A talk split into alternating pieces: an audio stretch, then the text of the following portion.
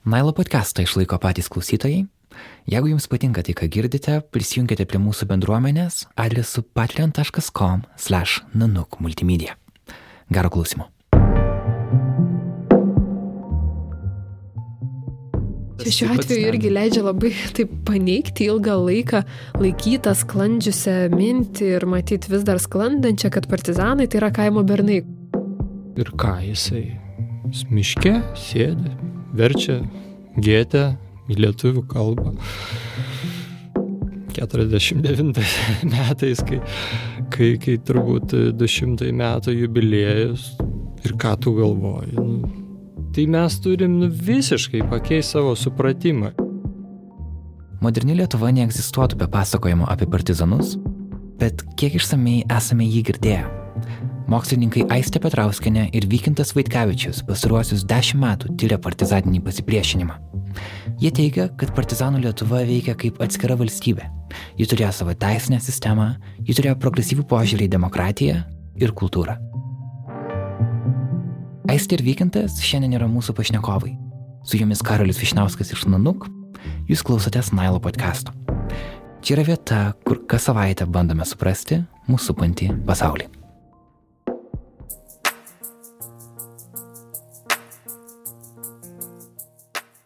Surenkti šį interviu būtent dabar inspiravo Lietuvos partizanų vado Adolfo Romanausko Vanago laidotuvės. Su mokslininkais kalbėjosi kolega Artūras Morozovas, o su juo pirmą pasikalbėjau pats.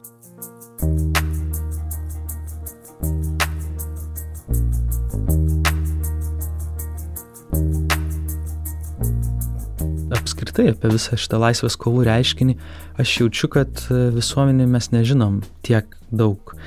Tai ką parodė Ramanausko Vanago palaikai, tai vieną dalyką jie parodė medicinius dalykus, tai yra buvo, dirbo medicinos, policijos medicinos ekspertai, jeigu neklystų ir antropologai. Mokslas šiandien leidžia labai daug nustatyti ir jie nustatė nu, neįtikėtinų dalykų. Aš net neįsivaizdavau, kad taip suirusiam kūne galima nustatyti, kiek kartų buvo durta į akį, kiek kartų buvo ten, nežinau, kad ten buvo iškastruotas kūnas ir taip toliau. Tai nėra tie dalykai, kur žmogus savo darytų, Savo norėdamas susižaloti. Keturis kartus susižaloti. Ir yra išlikusios bylos ir iš tų pačių e, ligoninės sovietinės, koks kūnas buvo rastas, koks kūnas būdavo atgabentas.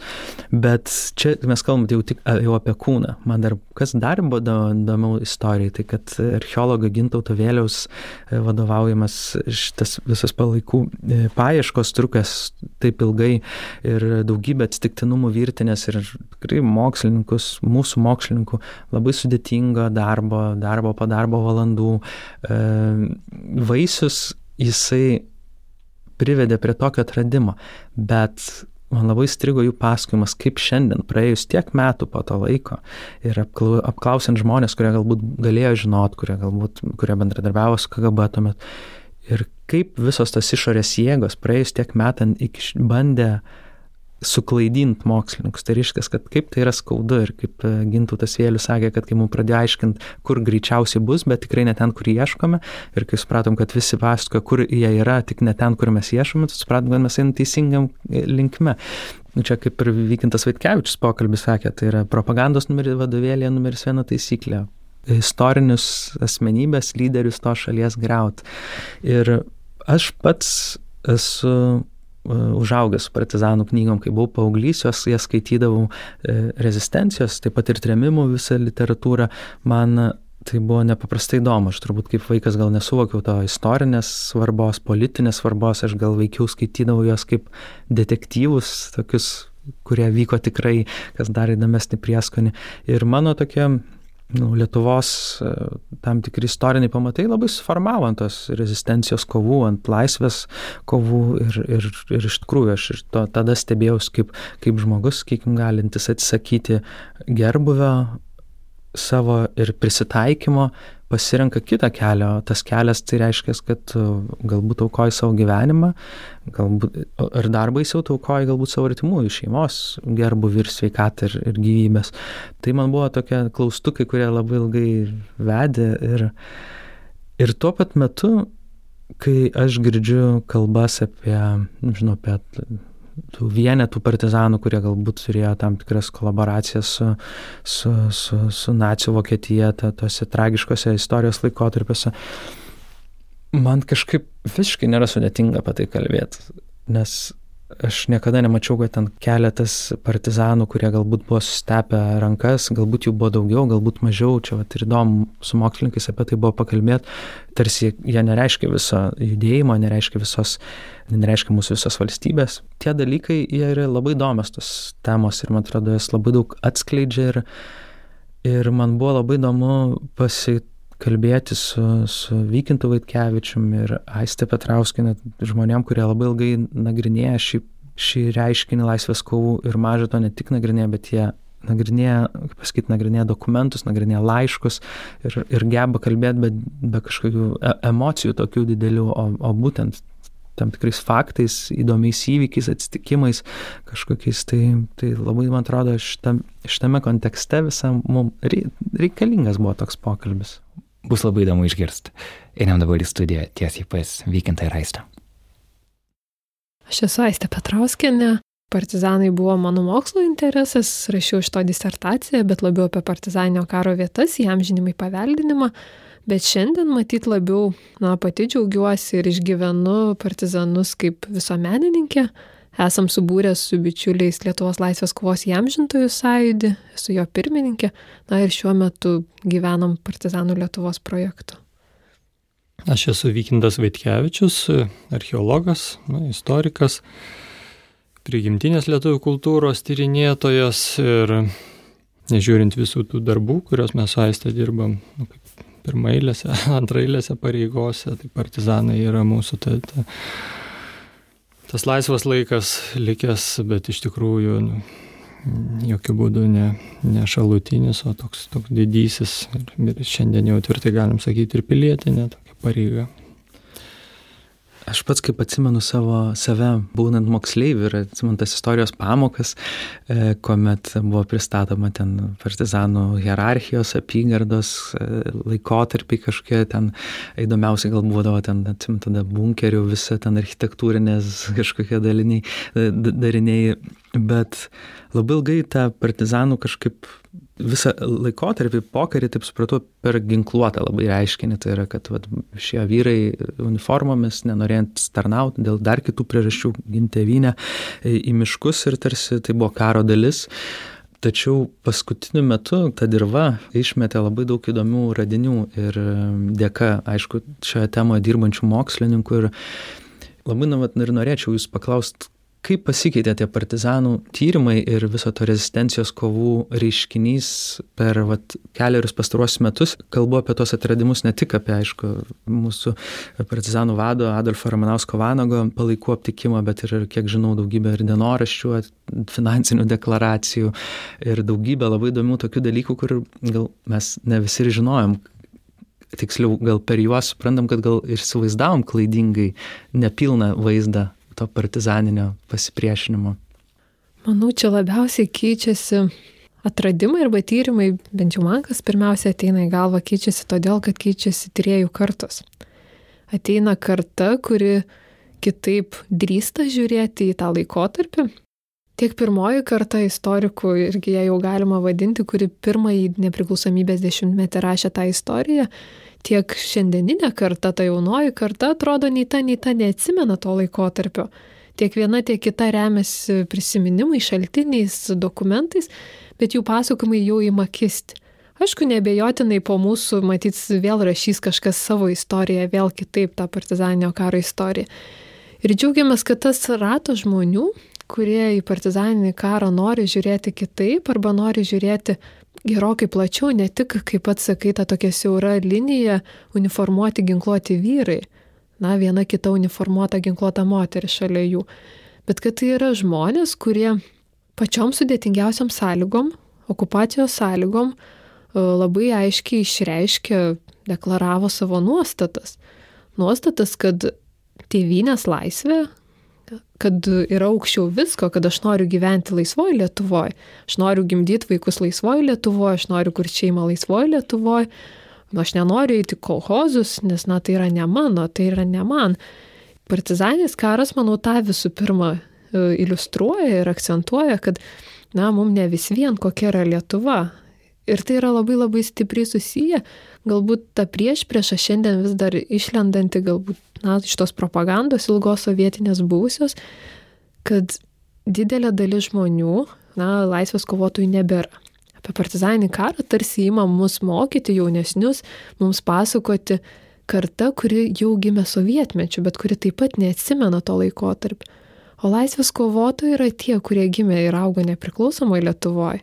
Ir jų vertybės formavosi, ir jų nuostatos Lietuvos atžvilgių formavosi būtent laisvoji, pilietiniai, be galo tautiniai Lietuvoje tas sutapimas jau yra gražus, na, man labai patinkantis Jono Kadžionio, partizano, vis dar gyvuojančio 90-mečio e, žodžiai, kad kodėl susikalba dabartinė laisvos Lietuvos nepriklausomos Lietuvos karta su laisvės kovotais vis dar gyvais.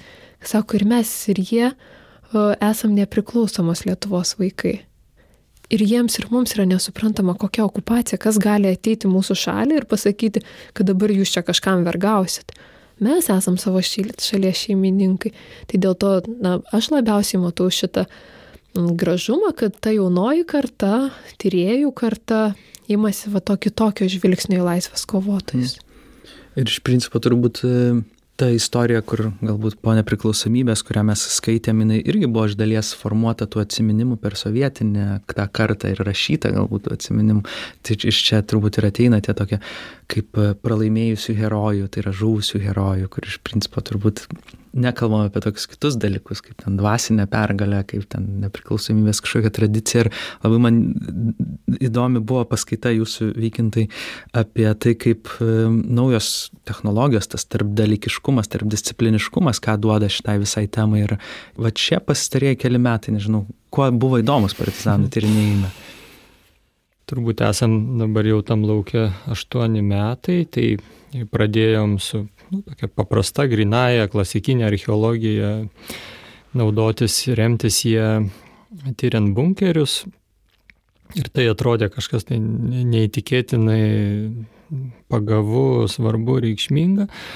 Tai dabar jau šiandien tikrai net ir bijom galvoti apie kokio nors bunkerio kasinėjimus. Tai labai daug reikalauja laiko, dėmesio, pastangų ir, ir jeigu įmanoma to išvengti, nedarom ir nedarysim. Bet per, per šitą laikotarpį radosi daug kitų kampelių sričių arba galimybių, kurios yra šiandien pačios svarbiausios. Tai galbūt e, pats turiu menį tą pavyzdį iš e, trimačio Lietuvo žemės paviršiaus, e, tokio modelio nuskanuoto, sudaryto kuomet jau neturim galimybės pasiklausti, kur tiksliai yra viena ar kita stovykla ar bunkeris, mes visada turim galimybę žiūrėti tokį ypatingą trimatį Lietuvos paviršiaus modelį ir, ir susiaurinti savo paieškų lauką, iš esmės atrasti tos stovyklas ir bunkerius, kurie galbūt beklaidžiant miške tik tai laimės ir atsitiktinumo dėka galėtų būti grybautojo ar, ar istoriko surasti. Tai jau šiandien jau, jau tas sąrašas sėkmingų tokių paieškų yra, yra iki dešimties ir, ir manau, kad ateityje ir toliau jisai ilgės. Bet tai reiškia... būtent čia mes kombinuojam jau tada tą, sakykime, iš žmonių surinktą informaciją ir mm. su kažkokius, kaip ten vos ne geologiniais žemėlapiais. Taip, iš esmės tokiais nerdančiais tyrimų metodais, kurie leidžia mums išvelgti dažnai galbūt net ir, ir kas nebesimato net ir, ir gyvai, kaip, tarkim, praėjusią savaitę buvau tiesiog retina mišką, kerta ir nieko nesuka galvos, kirtėjai užmetė šakom kelmais, užvažinėjo bunkerio duobę, bet, bet toj paviršiaus nuotraukoje 2010 metų dar ta dobė yra. Tai gali būti, kad aš ateisiu su koordinatėm ir sakysiu, va čia turi būti ir, ir numetę šakas aš atrasiu tą duobę. Tai čia yra toksai labai svarbus dalykas, kad net ir tada, kai atrodo viskas prarasta ir, ir nebesimato, arba žmogaus akis nebeatskiria, kad dar yra galimybė. Bet, nu, tai yra bunkeriai, sakykime, jie labai traukia apie juos nu, kiekvienas šitą yra girdėjęs, bet čia reikėtų pabrėžti, kad jau kiekvienais metais vis atrandamas naujas svarbus, reikšmingas, didelis partizanų archyvas. Jau čia nekalbu apie pavienius dokumentus, kurie perdarant stogą, perdengiant vis atrandama, tai kokia padėka, tai, tai koks nors tenai kvitas paramos, bet aš kalbu apie didelius archyvus, dokumentus, sąmoningai apmastytai, pačių partizanų surinktus, sudėtus ir paslėptus. Tai, tai va, ir matyti jau už poro savaičių ypatingą archyvą restauratoriai perdos didelį, didelį archyvą, surasta prieš kelis metus Marijampolės rajone, ūkininkas į išarė bidoną beveik 3000 dokumentų, o dabar kaip tik restauratorių šaldytuvė, būtent šaldytuvė, nes atrasti dokumentai sudriekę sušlapę turi būti tuoj padedami į šaldytuvą, negailint ten pieno dešrelių ir, ir to, kas ten paprastai būna. Va, ir tada jau perdodant restauratoriam perdodami, tai, tai dabar kaip tik irgi dirba prie, prie nuostabaus, svarbaus ir tokio vėlyvo 50 net ir antrus metus, antrų metų pabaigą siekiančio archyvo, kurį surado girininkas, čia galim paminėti jo, jo garbėjų vardą ir pavardę, Juozas Genevičius, šališkių girininkijoje dirbantis žmogus, na, kuris pilietiškai teisingai, protingai pasielgė, ikim neįsigando net ir ten buvusios granatos, kuri tam kartu su dokumentais, po dokumentais lipėjo ir kažkada tai priešui, kuris, kuris ne, ne, neturėjo ten to bidono atidaryti, būtų, būtų atėmusi gyvybę, bet, bet šiandien dienai jau, jau visi tie siūlai, detonatoriai buvo neveiksnus ir, ir tas archyvas na, per parą pasiekė restauratorius ir šiandien jau restauruojamas. Tai, tai va, ką mes ten matom? Ką mes matom? Ką partizanai nori mums išsaugoti? Jūs manot, jie deda savo asmens dokumentus, vairuotojo pažymėjimą, šeimos nuotraukas? Ne. Jie deda tai, ką įsivaizduoja, ko įsivaizduoja, ateities istorikam reikės labiausiai. Aš nueinu pas restauratorių, sakau, nu parodyk, sakau. Ne, sako, ir vėl tas pats. Karo lauko teismo nuosprendžiai tiems, kurie kolaboravo, kurie šnipinėjo, vagė, žudė, išdavinėjo. Apie tai kalbam, ką sovietinė propaganda buvo panaudojus kaip pagrindinį ginklą prieš partizanus. Tai tam, kad pateisint save ir išteisint mus arba palengvintų mūsų darbą, partizanai rizikuoja gyvybę, deda viską į archyvą, rūpestingai galvoja, kur paslėpti, galvoja, kam pasakyti, galvoja, kad tai išliktų ir kad mes tos dokumentus nors kartą, nors žmoniškai paskaitytume. 51 metai, lapkričio mėnesį, Jonučių kaime toks ir toks žmogus, nubaustas už šnipinėjimą. Kvota tokia, nuosprendis toks. Pasižiūrim tariamai partizanų teroro knygą atminimo, matom, civilis gyventas, tai nekaltai žuvęs. Ne. Tai va, viskas stoja į tai savo vietą. Teisinė sistema. Archyvai yra sukomplektuoti taip, kad palengvintų, padėtų arba apskritai taptų pagrindiniu šaltiniu rašant partizanų karo istoriją. Nesaugumo dokumentai, kur visiškai kita prieiga ir visiškai kitas tikslas - atsiskaityti prieš Maskvą, parodyti, kaip mes gerai dirbam. Ne, partizanai galvoja apie tai, kas bus įvertintas, kas bus pasakyta apie juos. Jų nuopelnus, jų įnašas, jų indėlis.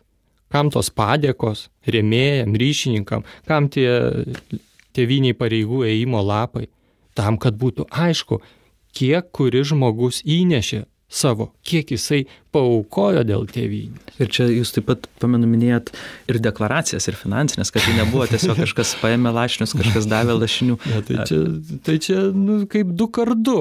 Čia nereikia įsivaizduoti. Eina partizanas su maišu. A, čia paėmiau, čia pavogiau, čia pagrasinau pistoletų, gavau, ne? Ne, ne, ne.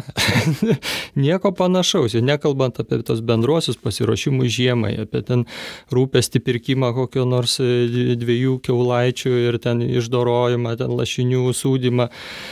Arba, arba derlių nuėmus ten kokių avižų, kviečių ar rūgių grūdų turėjimą ir, ir pas kokį rėmėją saugojimą.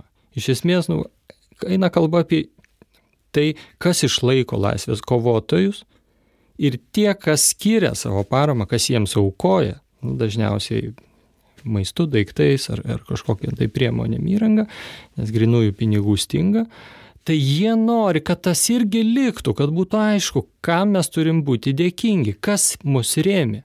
ir kas priešingai, kas, kas neremia. Yra didžiausi sąrašai stribukom jaunuolių komunistų, tų, kurie veža žmonės į Sibirą ir taip toliau tai jie nerašo istorijų bent jau nuo 44 iki kokių 49 metų, bet 49 metų turbūt, aistė, pritars man, nu, susitikimas, vasario 16, tas susitikimas yra lūžis.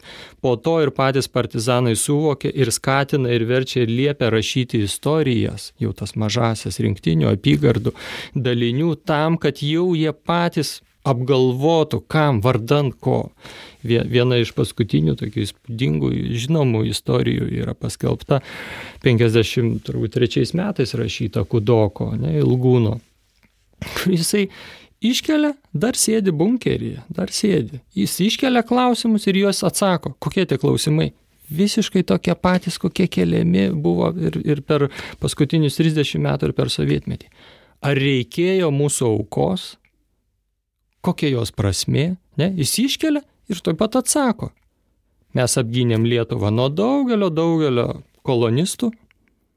Mes vis dėlto sumažinom tremimų mastą, vis dėlto, nežiūrint viso to, kad tai buvo nu, tūkstančiai žmonių nukentėjo, partizanų veikla sumažino tą mastą. Ir taip toliau, ir taip toliau. Tai, tai kaip partizanų vadas iškelia tos klausimus 53 metais sėdėdamas bunkerį ir nu, gražia mums suprantama kalba pateikia savo atsakymus, tai kas gali būti svarbiau ir, ir įspūdingiau už tai, kai mes turim prisiminimus rašytus jų pačių, vien tam, kad parodyt, papasakot tą tikrą istoriją, nes didžiausiam, didžiausiam vandeninė melo jinai įrodoma. Iki tol jie rašė tą istoriją mm. kiti žmonės. Nu, tai... Dabar galime kaip ir skaityti ir turbūt ne, ne vieno partizano ir yra tie nuogastavimai, kad ateityje bus vadinti banditais, kolaborantais tokiais ir, ir tarsi užbėgamų už akių tam tikrais įrodymais, bet vat ir klausant e, jūsų, susidaro toks vaizdas, kad mes e, kalbame jau ne tik apie grupę žmonių, kurie įvairiais,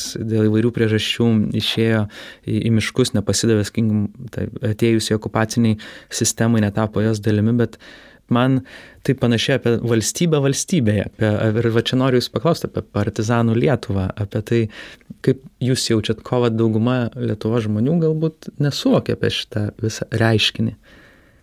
Šitą mintis, kai atėjo, kai ją pradėjom brandinti ir su ją dirbti, Lietuvos partizanų pogrindžio valstybė, mes ją šitaip vadinam, arba sutrumpintai partizanų valstybė, tarsi iš dalies, vat, tyrinėjančių tas temas, ar ten teisininkų, politologų buvo gana skeptiškai priimta, kaip čia, kas čia per terminaigi šalis okupuota, mes jos neturim, jos nėra, o čia kalbam apie valstybę. Bet priešingai visiems mokslininkams, sakykime, visuomeniai ta žinia, tie, kurie domisi, jinai tarsi atrado savo nišą. Čia kažkaip skamba, čia kažkaip kietai skamba, kažkas kito yra apie partizanus. Ir kodėl mums atėjo ta mintis, arba kodėl mes pradėjom kalbėti apie tai, išdrysome kalbėti, lyginti, ieškoti e, analogų panašių, Lenkų galbūt pogrindžio valstybė yra labiau žinoma, na taip jų stiprioji galbūt ta pusė, sakykim, ką jie akcentuoja, jie turėjo tą egzilinę vyriausybę e, Londone, ko, sakykim, Lietuvai, na tarsi nepavyko sukurti. Bet visa kita, ką mes žiūrėtumėm, kas yra būdinga tai pogrindžio valstybei, visus bruožus mes turim. Ir kada mes atradom tos bruožus, vėlgi čia labai gražiai susišūkė su tuo, ką ką tik Vykintas kalbėjo, kad kai mes atveriam partizanų archyvus. Žinoma, apie jokią partizanų valstybę mes nerasim baudžiamosiose bylose, agentūrinėse, operatyvinėse saugumo bylose, kur visiškai nėra skirtumo. Bet Jonas Žemaitis vadinamas prezidentu kai kurių laisvės kovotojų sulaikius. Tardymo protokolose. Protokolose yra pasakoma, jau įvardinant. Aišku, sovietai deda į kabutės visą tai.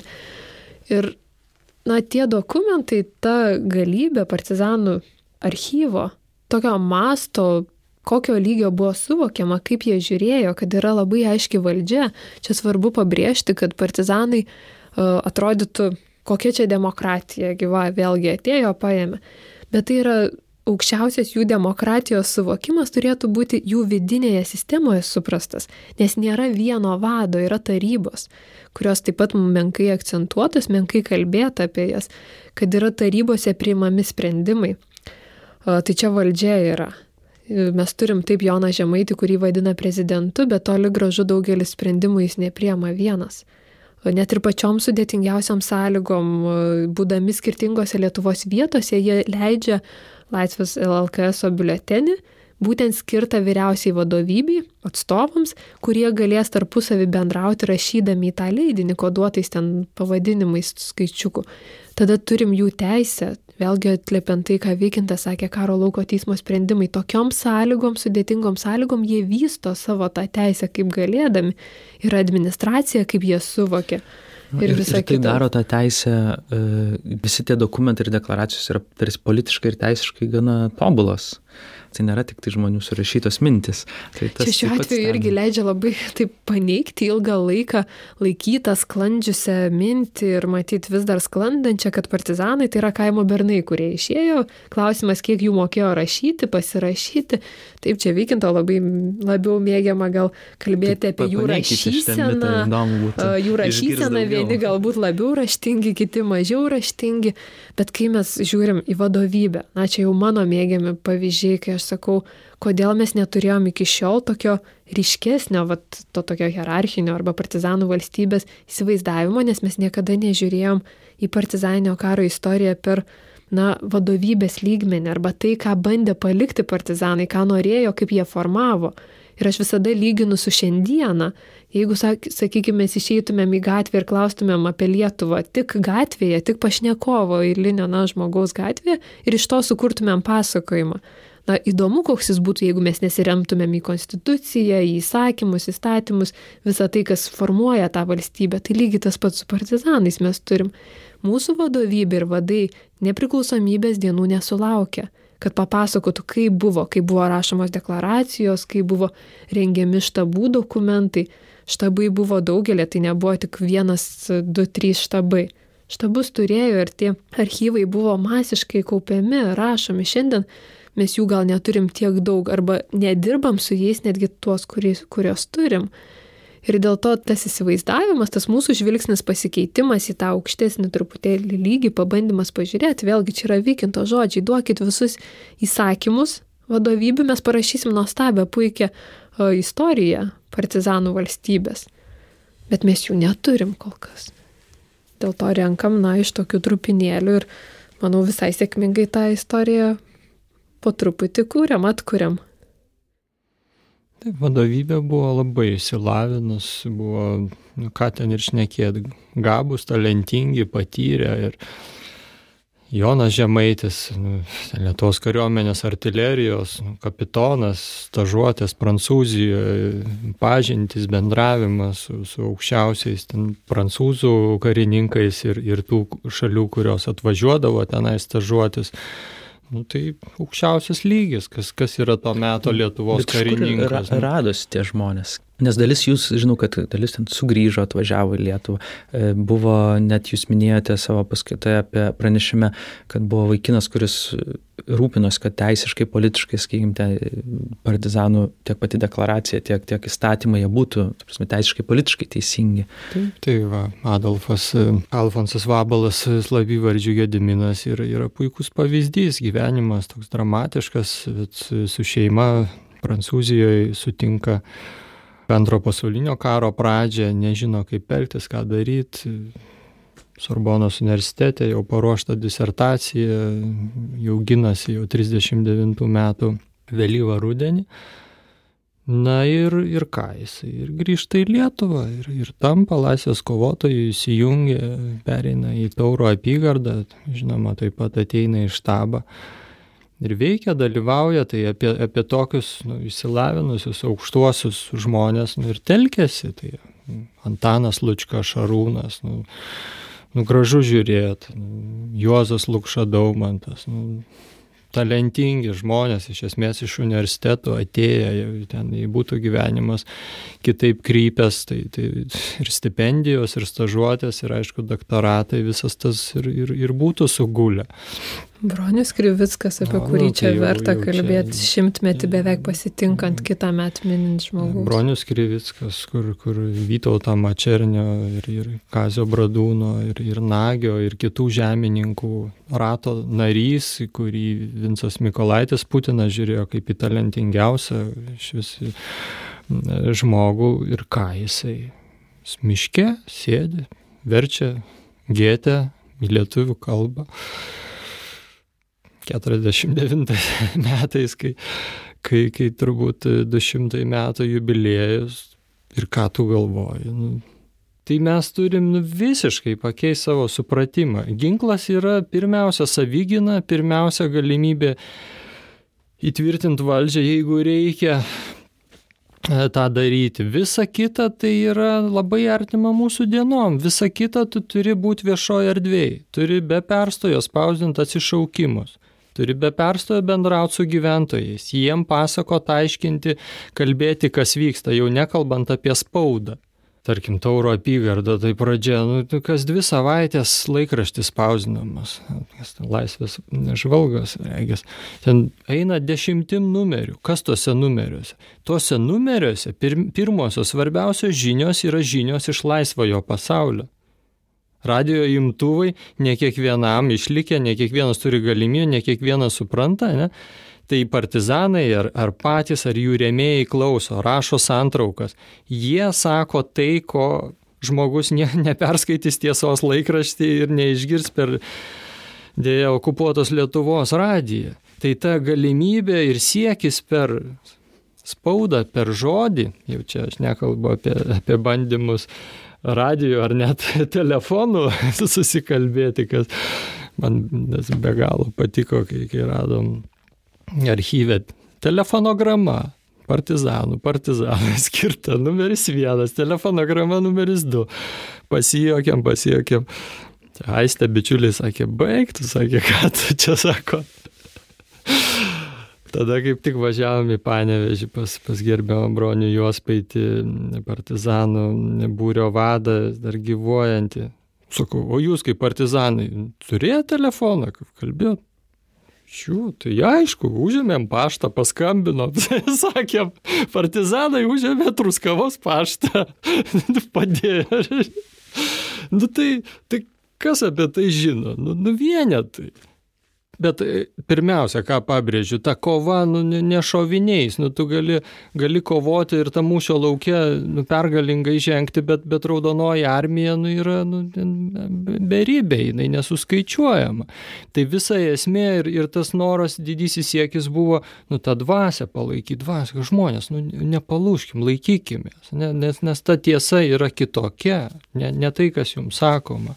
Mes galim ir šio laikiškai žvelgti ir, ir suprasti, kad kad to atsišaukimo platinimas, ne, ten, irgi labai smagių būdų. Aš ateinu su atsišaukimais į šokių vakarą ir, ir stengiuosi įdėti nematomai į kišenę tam kažkam tai. O tas kažkas netikėtai pasitikrina savo kišenę, žiūri lapelį, jį perskaito ir tada supranta, kad tai yra įkaltis. Ir jis nori jo kuo greičiau atsikratyti ir kiša kitam Perdada žmogui kitą. į kitą kišenę. Nu ir taip žinia plinta. Tai, nu, ką žinau. Nu. Čia įdomu, nes čia irgi ir šios dienos aktualios, tai yra informacinis nu, tai, karas ir galimybė kovoti prieš tam tikrą propagandą, prieš priešką propagandą, nieks kaip ir nepasikeitė. Ne, tai, tai viena, vertus, tai. viena vertus partizanai seka, jie, čia galim pridurti, kai kurie štabai prenumeruoja tiesą. Tam, kad žinotų, kas vyksta, kas kalbama, kaip plaunami smegenys Lietuvos gyventam ir kad galėtų atsaką duoti. Tai jau yra svarbu. Kitas dalykas yra daugelis ryšių, greičiausiai tie ryšiai arba per kunigus tiesiogiai, per dvasininkį, arba per, per ryšininkus kažkaip yra ryšiai su, su kuriančia nu, Lietuvos visuomenės dalim, kuri vis dar, sakykime, nenukentėjus neišvežta. Tai čia iš partizanų Lietuvos pirmo žygio. Tas žymusis Vinco Mikolaičio Putino eilėraštis 47 metais pirmą kartą spausdintas partizanų spaudoje. Jis dar nėra paskelbtas, nėra niekam žinomas, jis jau plinta nuorašais ir partizanai jį pasigrebė kaip savo nu, dvasinį vertybinį pagrindą, kaip, kaip geriausiai išreiškinti kovą, laisvės kovą reikalaujančią aukų. Tai, pala, tai kaip čia yra? o yra taip, kad, kad jie yra tie žmonės, kurie pulsą stebi, jaučia, kurie į jį reaguoja, kiek tai įmanoma, patys jį papildo. Kaip papildo? Visų pirma, dainom. partizaniniam dainom, kurios plinta ir iš partizanų yra nurašinėjamos paprastų žmonių vien tam, kad būtų dainuojamos per talkas, patalkius, vakarėlius, užsitraukus užuolaidas, kaip tos dainos išlieka. Taip ir išlieka. Partizanai jas atiduoda žmonėm ir jos skamba, ir jos plinta. Ir nesvarbu, kad melodijos visos yra romansinės, dauguma visiškai, bet svarbiausia, kad ten yra žodžiai.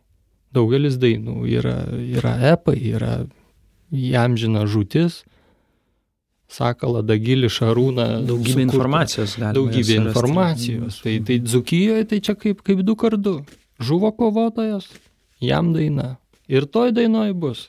Galbūt bus net mėnesis diena, kokiam aplinkybėm žuvo, ėjo, darė. Viskas. Ta daina skambės, jo kaime skambės, kažkas išgirs, nusineš kitur.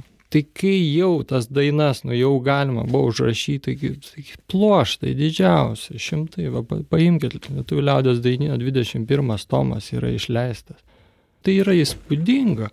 O kaip tu sukontroliuosi, o kaip tu, o, o kaip tu suvaržysi?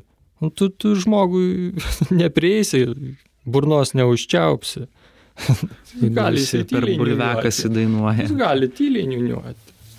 Tai Ir, ir taip keliauja ir dainų sasiuviniai. Įkaltis, ką mes matom, nu, pasakyk, ką jis. Bylose ryšininkų rėmėjai vienas dažniausiai įkalčių - dainų sasiuviniai. Kodėl šitaip dainuoji? Kodėl nedainuoji taip, kaip mes norime?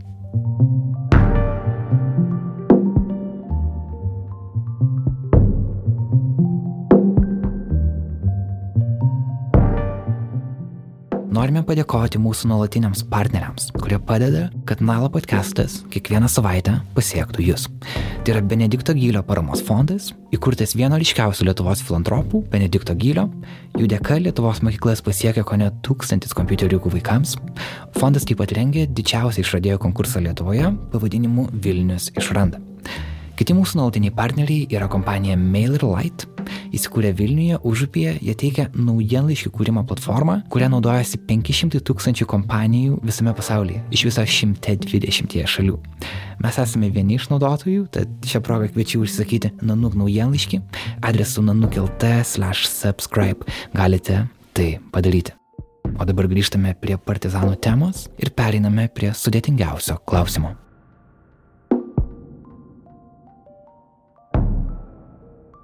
Galvoju, kodėl praėjus tiek metų po nepriklausomybės atgavimo ir turint visiškai laisvą žodį ir galimybės diskutuoti drąsiai, su pasididžiavimu žvelgti į mūsų laikotarpius, kurie buvo stiprus, bet per kuriuos išliko, išliko ta dvasia nepriklausomybės. Noriu paklausti, kaip jūs vertinat, nes manau, kad visuomenė iki šiol įvairiuose ratuose, ypač man keliaujant po Lietuvą, yra labai dviprasmiškai pasakome apie partizanus. Ir vat, mano nuomonė, kad yra tam tikri veikėjai e, viešoje erdvėje pasisakantis labai kontroversiškai, išleidžiantis knygas ir jų jau įrodyta, kad e, neteisingi faktai tampa diskusijų objektų, pykčio objektų, keršto objektų ir ta žinia tarsi daugelio žmonių galvose labiau įsimena negu, sakykime, tylus, nuoseklus mokslininkų aiškinimai. Kaip jūs nagrinėdami partizanų Lietuvą, nagrinėdami jų dienoraščius, jų bylų, to pačių KGB galbūt bylų įrašus, ką jūs randate ir, sakykime, čia norėtų pakalbėti ne tik apie tą bekintantį požiūrį į rezistencijos kovas, kaip į žuvusių herojų arba laimėjusių dvasinę kovą, e, dvasinę nepriklausomybės, tą, tą svorį ne, nešusių bet tuo pačiu yra ir dar trečia, tai yra banditavusių, sakykime, partizanų ir kolaboravusių su nacijais anksčiau kovotojų, kurie išėjo į miškus. Labai norėčiau, kad jūs čia ar daugiau paplėtotumėte tą temą ir ką jūs matote kaip mokslininkai nagrinėdami tai. Tokiam ilgam klausime čia vien palėtė bent keletą temų, tokių nelengvų. Gal pirmiausia, klausantis iš pirmosios dalies atėjo, sugrįžo, tiksliau sakant, ta pati mintis, kad kodėl partizanai yra kažkur truputėlį toliau, kad jie visų pirma dar nėra mūsų ir tai nėra sava. Tai yra kažkas, kas buvo senų senoviai, tai manęs nelėtė, nes jeigu mes ir žiūrėtumėm, kiek žmonių dalyvavo arba kiek žmonių palėtė ar iš vienos pusės, ar iš kitos pusės, ar laisvės kovotojų, ar tie, kurie kolaboravo tiesiogiai, sakykim, veikia, tai nėra didžioji dalis tautos didelė dalis vis tiek buvo tie, kurie plaukė pasroviui, sakykime taip. atėjo, atėjo laikas prisitaikė, stojo į kolūkius, vėliau sovietmetis ir taip toliau. Tai yra didžioji masė. Ir su ta didžiaja masė sovietiniai sistemai buvo tikrai kur kas lengviau dirbti, nes jie neturėjo jokio pasakojimo. Jie galėjo gauti pasakojimą, kuris propagandinė prasme buvo labai paveikus, labai stiprus ir taigus. Tai dėl to šiandien na, susigražinti partizanus į savo nėra taip lengva. Ir čia netgi pats sakai, žinai, istorikai tyliai dirbantis, čia yra bėda ir aš asmeniškai pati kaip istorikė drįstu mesti akmenį į istorikų daržą, kad mes patys istorikai irgi kartais norime išlikti geri visiems iš serijos, na, pakalbėkim čia truputį čia, bet likime objektyvus būtinai, nes, na, visiems buvo sunku tuo metu, visi nukentėjo tuo metu. Ir čia iš ties, na, galiu tik tai džiaugtis arba norisi atkreipti dėmesį į istoriko, mano nuomonė, vieno drąsiausiai kalbančių tą temą Bernardo Gailiaus pasisakymus, kuris labai aiškiai pasako, kad žmonės daugiau savigarbos šitai istorijai arba kad mes, tai yra mūsų istorija ir mes mokėkim ją vertinti, o ne kažkur diplomatiškai likime nuo šalyje, nes kas kitas įvertins arba galės įvertinti tai to masto, kaip buvo. Na, o prie to sudėtingo klausimo, kuris yra liečiamas jau daug metų ir bus liečiamas daug metų. Aišku, čia paskutiniu metu generolo Vietros klausimas vis iškeliamas ir iškeliamas.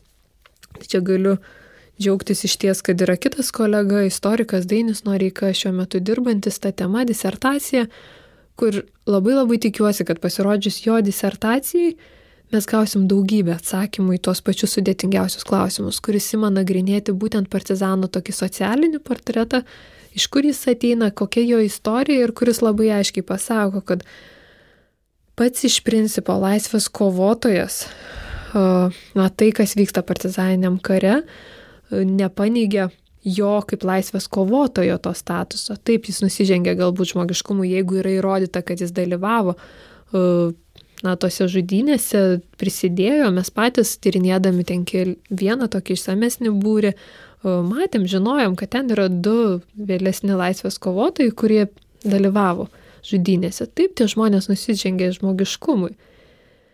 Bet tai neneigia, na, jokių būdų, kai bandoma pasakyti, kad lietuviai yra žydžiočių tauta, tai vėlgi tada norisi, na, galų gale viešinkim tos žmonės, viešinkim skaičius. Ir kai mes pamatysim, kad tas skaičius iš ties ištirpsta toj visoji laisvės kovotojų buvusioj grandiniai, tam skaičiuje galų gale mes turim dvi laisvės kovotojų kartas. Yra pradžia taip, kurie perėjo tą visą sudėtingą laikotarpį, kurie matė 40-us, kurie matė tas tremtis pirmasias skausmingas, kur, kur matė, kaip jų šeimos yra draskomos, išvežamos ir čia, kad ir kam galbūt nepatiktų kalbėti apie keršto motyvą.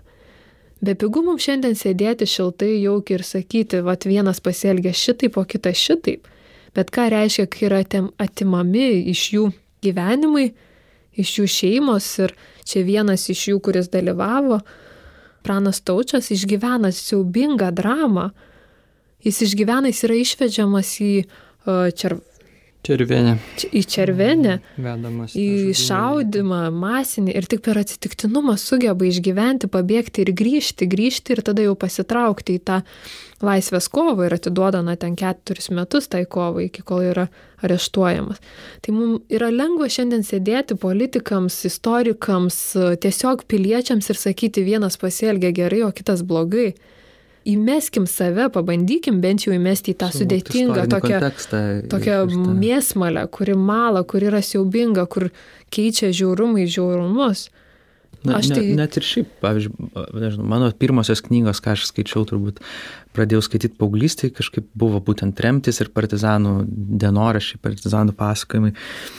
Ir man tas visas laikas Lietuvos partizanų, tai yra toks, nu, aš laikau savo to valstybės kažkaip pamatų, kaip aš suvokiu duoklę šaliai, galbūt kaip suvokiu tų, tų žmonių asmenybės ir netgi girdint ten, nežinau, generolo vietros atvejus, kitų kažkokių atvejus, nežinau, ar aš nesu galbūt naivus, bet man tai, nu, nediskredituoja viso to judėjimo. Ir, vat, ką tu sakai, kad įvardinti tos žmonės ir paviešinti ir galbūt paaiškinti tą istorinį kontekstą, koks tuo metu buvo, tai Tai mano nuomonė tai yra labai svarbus dalykai gebėti, nes kai yra tyla, tai tuomet e, prasi, arba prasideda ginčiai, tuomet labai lengva dažyti bet kokiam spalvom juodinti arba baltinti. O partizanų tautybės, ar iš tikrųjų visi buvo etniniai lietuviai, ar, ar, jų tarpe pasitaikė, ar, nežinau, ne, nebūtinai tų tradicinių lietuviškų pavardžių.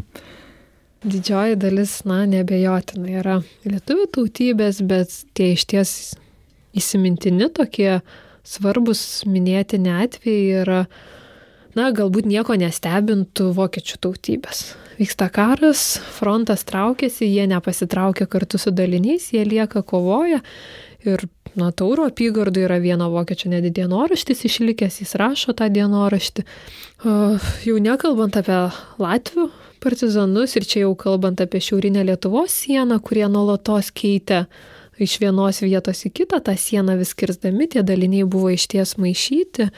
Ir, na, Rokiškio apylinkėse čia iš ties taip pat nieko nestebina, ar netoli Aucės esantis jau Latvijoje atstatytas partizanų bunkeris, jeigu mes žiūrėtumėm ten žuvusių partizanų pavardės, tai jau Latvijos teritorijoje ten dalis tikrai yra lietuvių partizanai.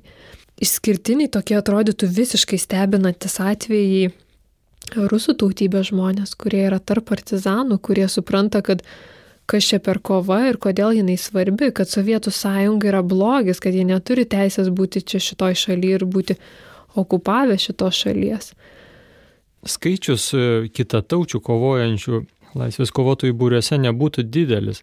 Bet čia reikėtų pabrėžti mums, kad Lietuvos partizanų vadovybė visuose dokumentuose, kuriuos rengė ir kurie buvo susiję su, su projektuojama Lietuvos ateitim, pradant deklaraciją ir tai, kas sekė po jos, visą laiką pabrėžė visų tautų lygybę kad tai nebus dar kažkokia nacionalistinė valstybė, kai mes ją atkursim, kur neturės vietos kitos tautos.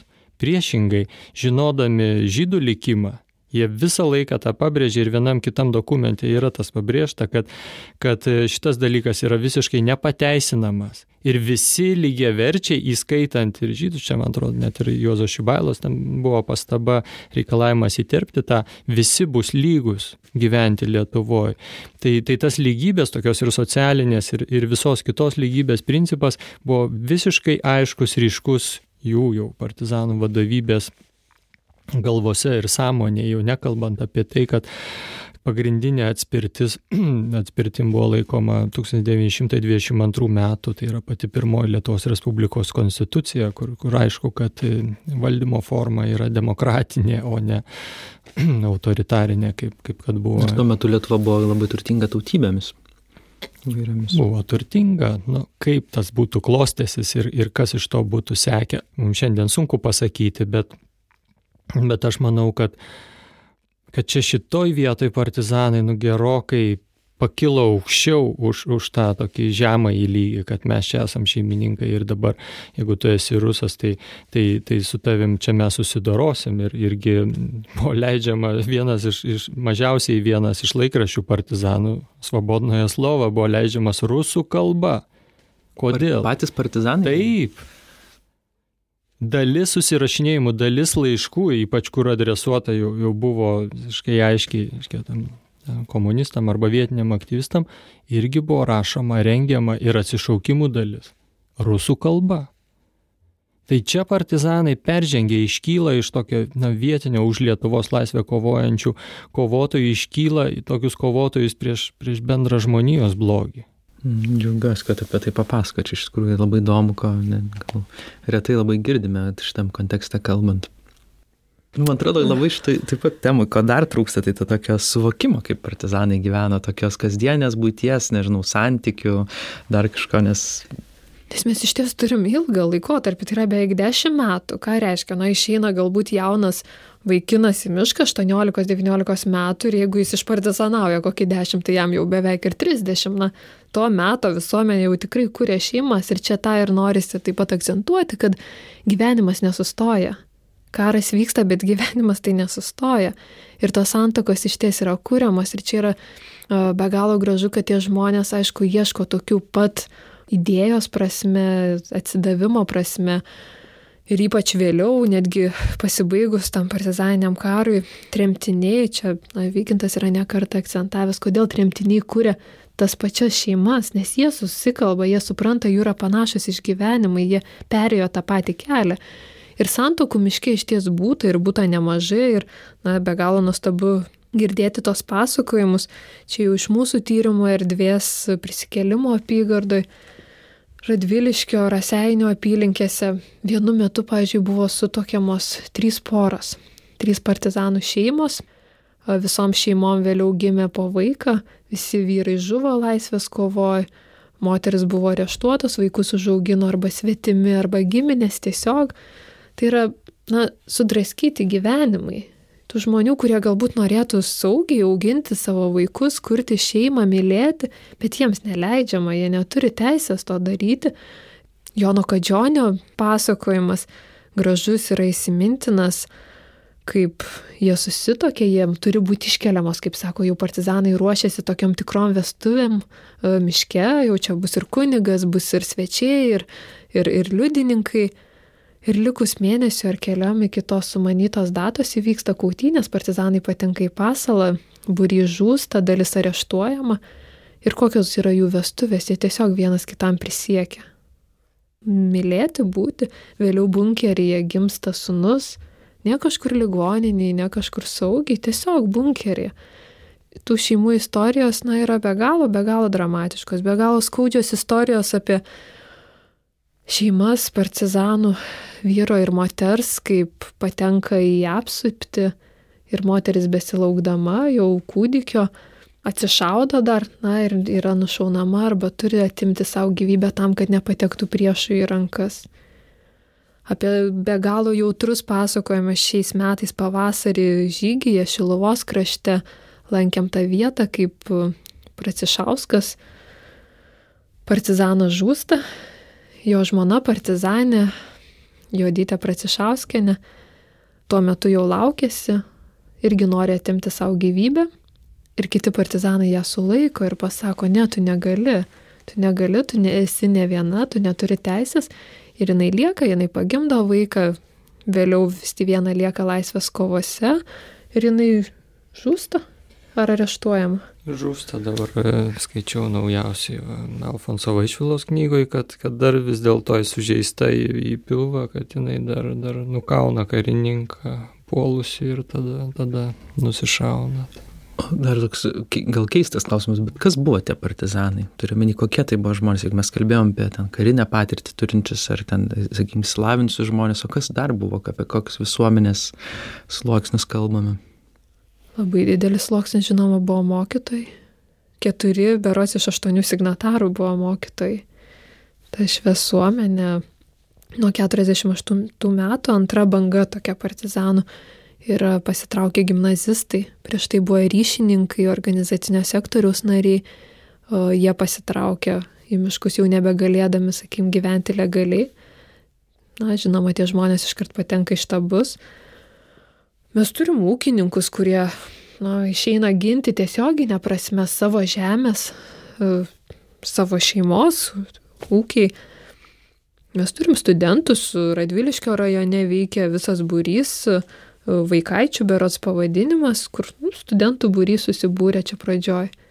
Taigi tas laukas, na, labai įvairus, gal tau dar kažkas. Ja, bet na, ūkininkai, žinoma, sudarė labai didelę dalį, ten kas be ko, bet, bet nu, ar minėtas Romaldas Pracišauskas, gal tevelis jo gal 160 hektarų turėjo, bet, bet jisai čia yra tarp kovotojų. Daugelis partizanų visiškai buvo bežemiai ir tiek kiek sovietinė propaganda mėgo tą, a, čia klasių kova, čia viską, čia mes atėjom su teiki, teisingesniu gyvenimu, čia perdalinsim, čia tą žemę aprūpinsim. Lygiai taip pat maža žemė, iš vis neturinti žemės. Padieniai darbininkai, ten geležinkeliuose dirbantis, lygiai taip pat jungiasi.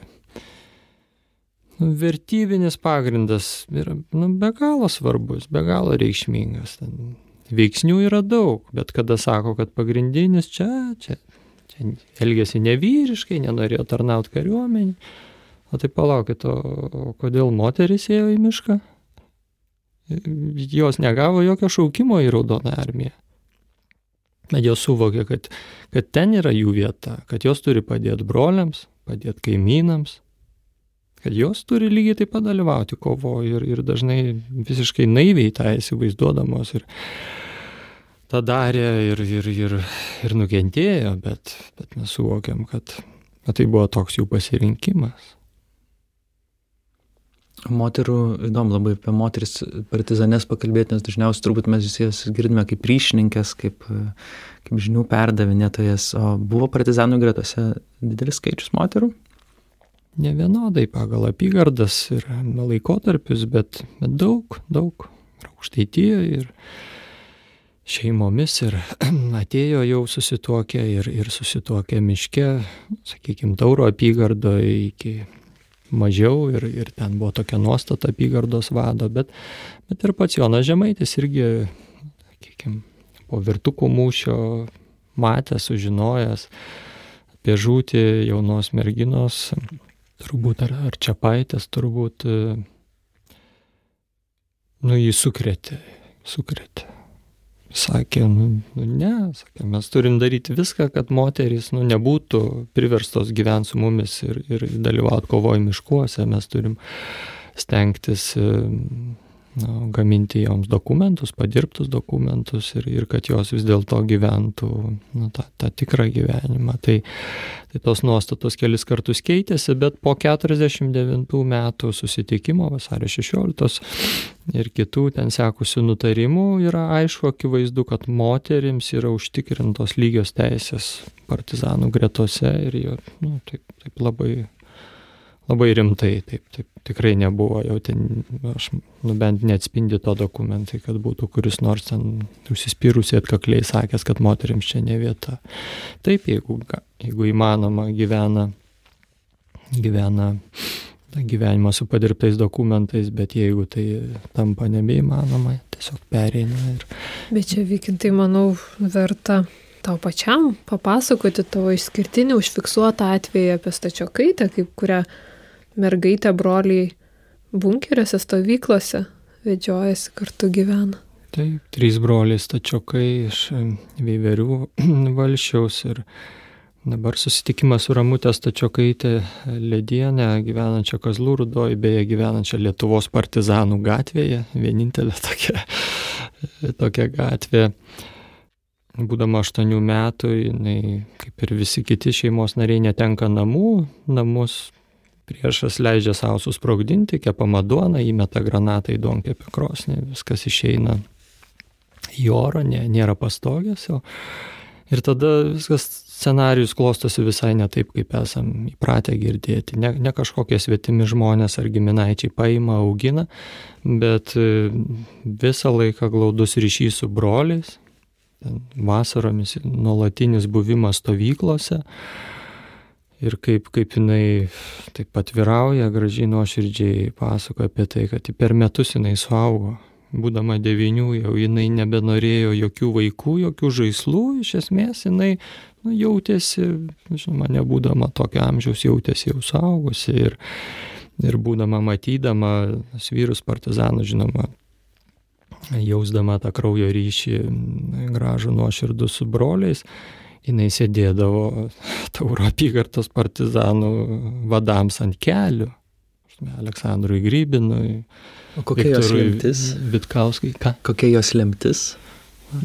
Sakai, kaip toliau klostėsi jos gyvenimas? E, jos gyvenimas klostėsi jai palankiai, nes, nes būdama nepilnametė, jinai nu, nepateko tą, tą baudžiamą atsakomybę ir, ir jinai kartu su mama išliko išliko gyvenime, jos dvi seserys labai taip dramatiškai skaudžiai nukentėjo, bet taip pat dar gyvuoja ir, ir, ir yra nuostabios, e, nuostabios liudytojos tų kovų, tai, tai bet šitoj vietoj tai irgi gražiai prasiskleidžia paveikslas, negalėdami lankyti savo šeimų, neturėdami iš esmės ir jokio ryšio, jokios žinios apie žmonas ir, ir vaikus tie vyresnieji partizanų vadai šiuo atveju ir Viktoras Vitkauskas čia ir Aleščikas lapyvardžių Rimantas irgi apygardos vadas, jie laikydami ant kelių tą, tą mergaitę, ramutę, aš įsivaizduoju, jie tiesiog sugebėjo jausti ar, ar, ar bent jau nu, kažkokia tai maža širdies dalelė justi tą savo šeimą, kuri, apie kurią neturi žinios ir, ir su kuria negali būti. Tai toks visiškai nu, Tapo toks simbolis. Nu, toks savotiškas simbolis vaikams nedėra būti, jie negali žinoti tai, kas čia vyksta, nu, nedaug die, būtų tardymas, bet, bet esant susiklošius tokiom aplinkybėm, tas vaikas keliauja, būna, žinoma, ir su vyresnė seserim, būna tais partizanais ir užauga, užauga į tikrą žmogų, kuris išsaugojo didelį pluoštą partizanų nuotraukų kartu su seserim ir, ir dar daugelį nuostabių dalykų yra, yra patyrus, pasakoja ir jau vakar Justinas Lingys kalbėjo, kad, kad jau kaip ir į pabaigą tokį nedidelį videofilmą, 26 minučių tokį pasakojimą apie ją. Kas, kas labai. Man įdomu, dar vis, vis netėdavo paklausti, bet dabar pasinaudos progą kaip fotografai, apie partizanų fotografijas. Kas buvo tie fotografai ir kaip tos fotografijos išliko?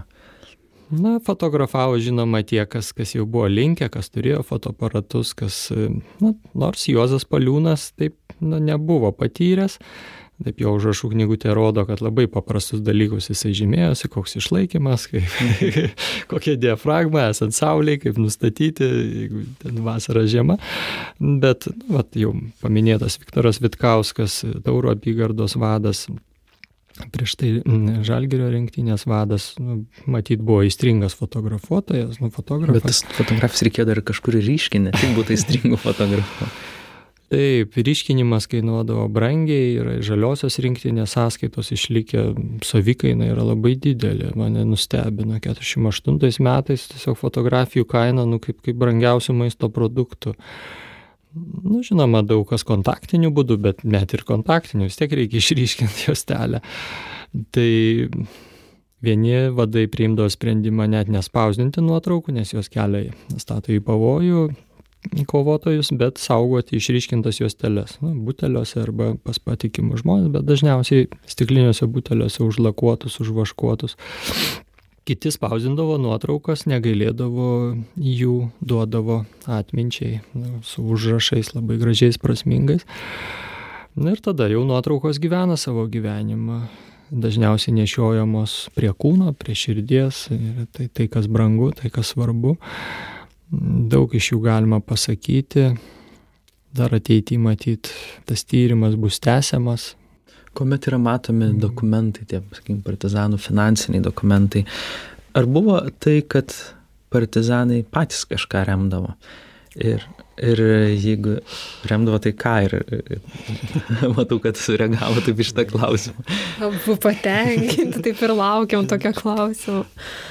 Iš ties čia vėlgi dar vieną mitą tokia partizanų, matyt, partizaninio karo yra neigiantis dalykas mums suformuota, kad partizanai yra tie, kuriems visada kažko reikia, kuriems bet reikia. Tai, bet irgi įdomu, kad. Reikia, reikia drabužių, reikia, reikia, reikia. Ir jie arba pasiema, arba apiplėšia, nu tarsi visada tai ėjo.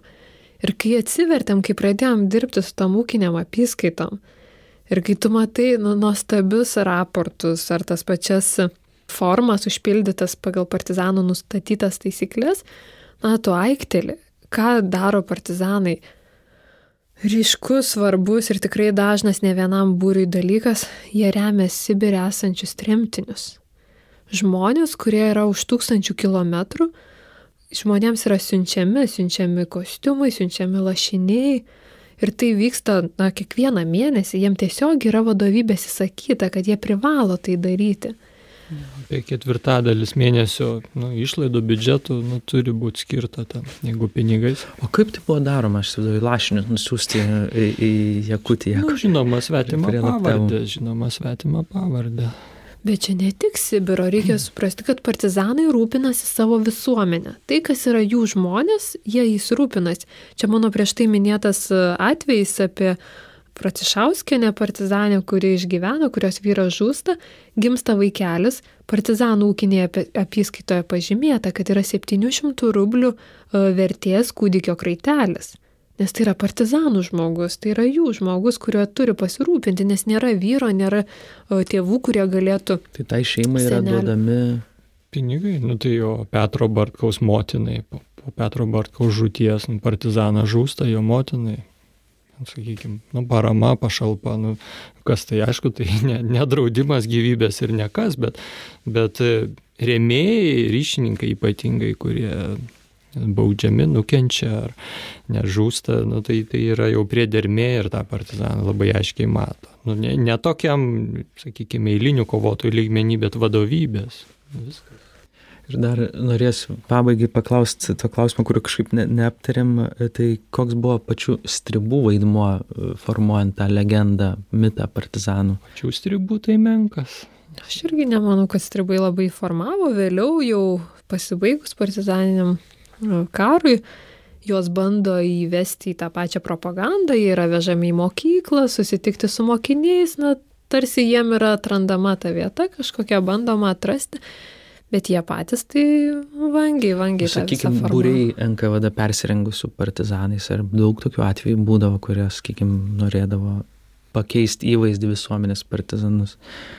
Agentų smogikų tos operacijos, tai ten yra tokio lygio, tokie sumanimai, toks kiršinimas. Nu, mes siekia tikslo, jie yra aprašyti operacijos planuos ir jiem pasiseka ir jie tą, tą sukiršinimą. Gal galit kokių įdomesnių, va, tokių atvejų, pavyzdžiui, pa, nu, tai... paminėti, kad suvok lygiai, nes aš pats atsimenu iš partizanų vienos iš knygos, skaičiau apie vienos moteriškės, e, kuri buvo ryšininkė ir tuo pačiu siuvo partizanų uniformas atskleidimą, kaip jį papuolė į vieną ten pasalą, vieni apygardą vieną išgelbėjo, kiti, vieni partizanai išgelbėjo, kiti suėmė, tai, ta prasme, tai tarsi būdavo kolosalios operacijos, tai nebūdavo tiesiog, kad tai primityviai ir nežinau, at, gal galėtumėt pasidalinti kokius, kad tiesiog klausytojai suvoktų, kas nėra susidūrę, prasme, kad jeigu mes šiandieninės Rusijos ir ten apskritai propagandą susidurėm ir vertinam, kad taip, tai sunku vertinti, kad anuomet nebūdavo paprasčiau kažkaip.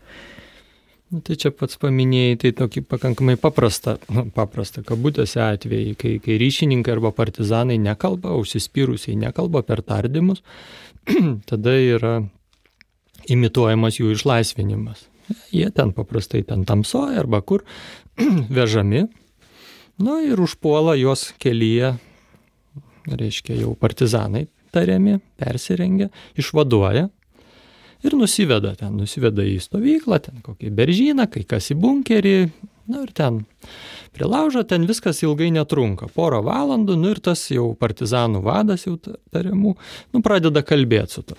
Nu ir sako, o žinai, čia mes tą išvadavom, gal tu čia parašyk va, kokį laišką, va čia va perduosim tavo laišką kaip prašymą. Nu, dažniausiai su, su raštu tai yra susiję. Nu, ir va, ir parašo.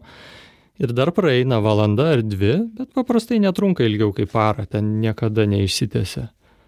Ir vėl užpolimas inscenizuojamas, ir vėl tas ryšininkas patenka atgal į saugumą. Ir tada viskas su pagreičiu. Net nelaukia kitos dienos, atneša jam rašytą jo laišką Sako, taigi va, tu rašai partizanam laišką. Ką tu sakai, kad tu nesusijęs? Tu žinai ir tą, ir tą, ir tą. Ir viskas. Ir daugelis, daugelis yra taip palūžę. Jau nekalbu apie tos atvejus, kai, kai tas partizanų vadas pasisodinės pradeda klausinėti ją. Nu, ten negilių dalykų, ar jeigu ryšininkė, Antanina Valeikienė, arba Vytautas Valotka, va, tokius išsamius, plačius prisiminimus yra palikę mums. Tai ir viskas. Tai, ką prasitarė, apsigrėžė ir, ir pradeda veikti prieš ją. Bet tie patys sudėtingiausi atvejai, kada yra persirengta partizanais ir yra, na, ne šiaip plėšikaujama, ne šiaip savivaliaujama, bet yra, yra žudomi žmonės. Tai va, va šitie atvejai yra, yra žiaurūs, yra iki skausmo jie. Nes jeigu tu esi smogikas, jeigu tavo tikslas yra kuo žiauriau tą atlikti, įvykdyti, nu tai tada tu, aš nežinau, tai tu su pasimėgavimu gali ten ir sadistiškai tą daryti. Ir va tada, va jau ta sėkla yra įkritus, jau tada yra didžiausia blogybė. Labai sudėtinga išaiškinti. Be galo sudėtinga. Už tai, kad garsas, gandas ir visas matymas ir visos nuotraukos, viskas eina su partizano žyma. Štai žiūrėkit, jie, ką jie padarė. Ne? O kad partizanai čia net neprisidėjo. Bet jeigu ten kažkur, tai kažkur operacijas atidžiai sektume arba jų galėtume įsivaizduoti manimus, kaip sukiršinti, kaip išmušti tą atsparą paramą partizanų, kaip jiem iš pokojų išmušti kėdę. Tai yra va, tokie žiaurūs būdai, kurie greičiausiai į Lietuvą ar ne iš Ukrainos ateina. Ne? Kartu su Sokolovu, ta na, baisioji pavardė, kurie, sakykim, laisvės kovotojams yra kaip siaubas, puikiai žinoma, Sokolovas įgyvendinę savo patirtį Ukrainoje, jau įvykdęs ateina čia į Lietuvą. Prieš Karpatų partizanai. Ir, ir žiauriai, žiauriai. Kaip įsivaizduojate, kaip artimuosius, artimoje ateityje, kis, kis sakykime, tyrimai partizanų ir galbūt kokių galima laukti dar naujų atradimų arba ko svarbu yra ieškoti ir ko trūksta? Pagrindinis dalykas matyti, ką turim šiandien suvokti, kad netenkam tiesioginių laisvės kovų liudininkų ir čia priemu savo, na, kaip tokia dovana, didžiulė dovana, tuomet, kai pradėjom kalbinti labai aktyviai, 10, 11, 12, 13 metais, na, mes turėjom galimybę dar kalbinti žmonės, kurie buvo šalia, ten vyriausiosios vadovybės ryšininkės, kurios buvo šalia Žemaičio, Leonardo Grigonio, Petro Bartkaus, tai šiandien jų irgi nebėra. Tai viena vertus, mes gyvenam tokiam labai aiškiam perinam laikotarpį kad tų tiesioginių iš ties lieka nedaug, bet atsiveria tai, ką Vykintas pradžioje kalbėjo, naujos perspektyvos, naujos galimybės tirti įvairios priemonės, metodai, tas tarpdalikiškumas, noras susivienyti. Čia iš ties galim džiaugtis, paminėti kolega tapusių kariškį Ernestą Kutskailį, kuris, na, nuostabiai iš tų surastų archeologų surinktų tutelių gali atkurti kiek įmanoma rekonstrukciją, kuri yra patraukli, išties iškalbinga. Ir, na, pagrindinis, manau, lūžis, kuris yra jau po truputį įvykęs ir tikimės įvyks vis labiau, tai bus atsigręžta į partizanų dokumentus, kad mes istoriją pradėsim skaityti laisvės kovotojų lūpomis. Jokių būdų tai mūsų pasisakymas neneigia E, ypatingam archyve esančių saugumo bylų, mes taip pat su jomis dirbame. Ar vykintas, ar aš ten nuolatos lankomės, mes taip pat dirbam su baudžiamojom byloms, jas skaitom, jas tyrinėjom, bet tai nėra ta traminė šis, iš kurios turėtumėm formuoti tą pasakojimą. Tai tikrai be galo daug gražių dalykų dar parodys tai tuomet, kai atversim va, tos archyvus ir jeigu jų atsiras vis daugiau, vis daugiau mes galėsim juos skaityti, visumą turėti, tai iš ties nudžiugins, manau, ir atvers tokį kur kas platesnį ir gražesnį įvairesnį. Reikia tikėtis, kad daug ką ir paaiškins. Ir daug ką paaiškins. Mm. Gražiausi dalykai, kaip ir pasakyti, žinoma, daugiau archyvų, daugiau archyvų. Va, o, o visa kita pagal galimybės, pagal sugebėjimus, pagal norą. Sakyt, kaip tai bus kreipiama, ar, tai bus perdodama, kaip partizanus priartinsim. Laikas, metai ir praėję, ir, jau užpraėję yra labai palankus. Aiškiai įvykusi slinktis, aiškiai tai yra mūsų didžioji atspirtis. Pilienai, didėjai kunigaikščiai lieka jau su praėjusiom kartom šiek tiek, šiek tiek nuo šaliau. Ateina partizanai, kurių atminimas yra, yra visiškai gyvas, vis dar gyvas liudijamas. Ir čia mums didelis iššūkis, ar mes juos priimsim atgal į, į savo tautą, ar jie taps mūsų vedliais, mūsų idealais. Čia toksai iššūkis. O žinoma, kad šitam kelyje bus šimtas kliūčių.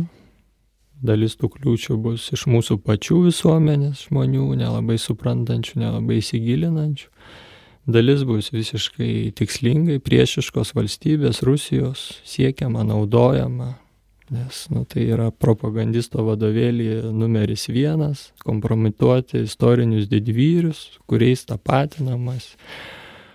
Tai turim tam nu, būti pasiruošę, niekada nepamiršti, kad ta didelė atsakomybė. Bet tauta stiprėja, iš ties šio klausimu, mano nuomonė, bent jau paskutiniai metai tą rodo ir jinai įvairėja. Ir jeigu dar kada skylės broliai pasirodė, jau šties nemažai tų metų prabėgo, atrodė tokia, na, kažkas naujo, va, išėjo. Bet šiandien, manau, turim nemažai ir kultūrinių renginių ir šiuo metu gyvykstantis keliaujantis roko opera priesaika. Ar tai būtų filmai, nu, kur bandoma atrasti tų įvairių formų, ne tik istorikai ką kalba arba galbūt rašo, bet įeiti į to žmogaus na, jam priimtinom formom, jam patraukliom ir aš tai tikiu, kad tas visas laukas tik išsiplės ir bus kur kas lengviau įsileisti ir, na, knygos leidžiamos, kurios, na, būtent tą, tą skaitytoją ar tą žiūrovą gali ir pasiekti. Aš norėčiau palinkėti, norėjau palinkėti kantrybės jūsų darbe, bet kai klausau, kaip su kokia aistra ir užsivedimu jūs pasakojate, tai suprantu, kad kantrybės turbūt čia netiek reikia, bet gal tų įdomių, labai reikšmingų dar atradimų. Tai ačiū labai už pokalbį, kad apsilankėt. Ačiū labai. Ačiū, kad kviečiat.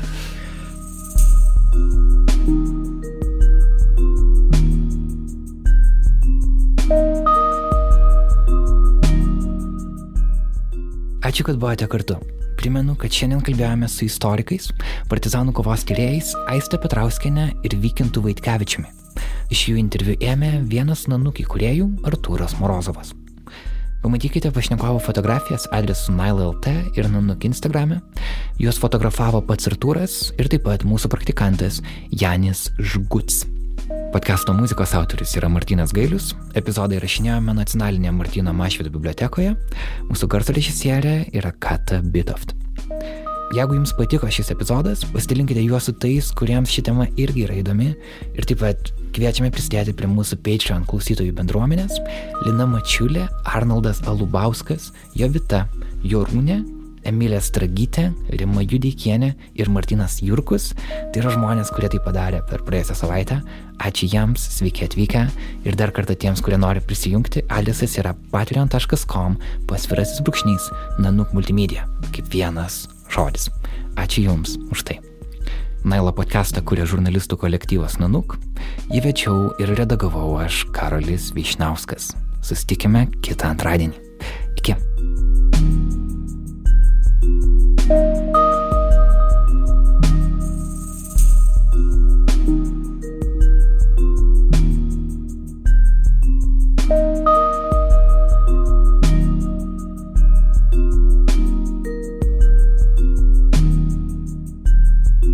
you